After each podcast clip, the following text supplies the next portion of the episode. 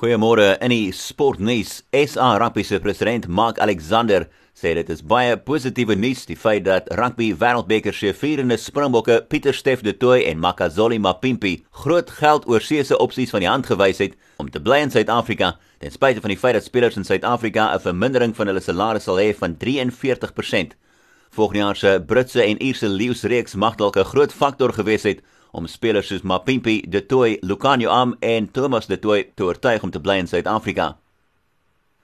Suid-Afrikaanse rugby wêreldbeker wenner Cheslin Colby se Toulouse het gister aangekondig dat hulle spelers teruggekeer het na die klub se fasiliteite toe vir mediese toetse na meer as 2 maande weg.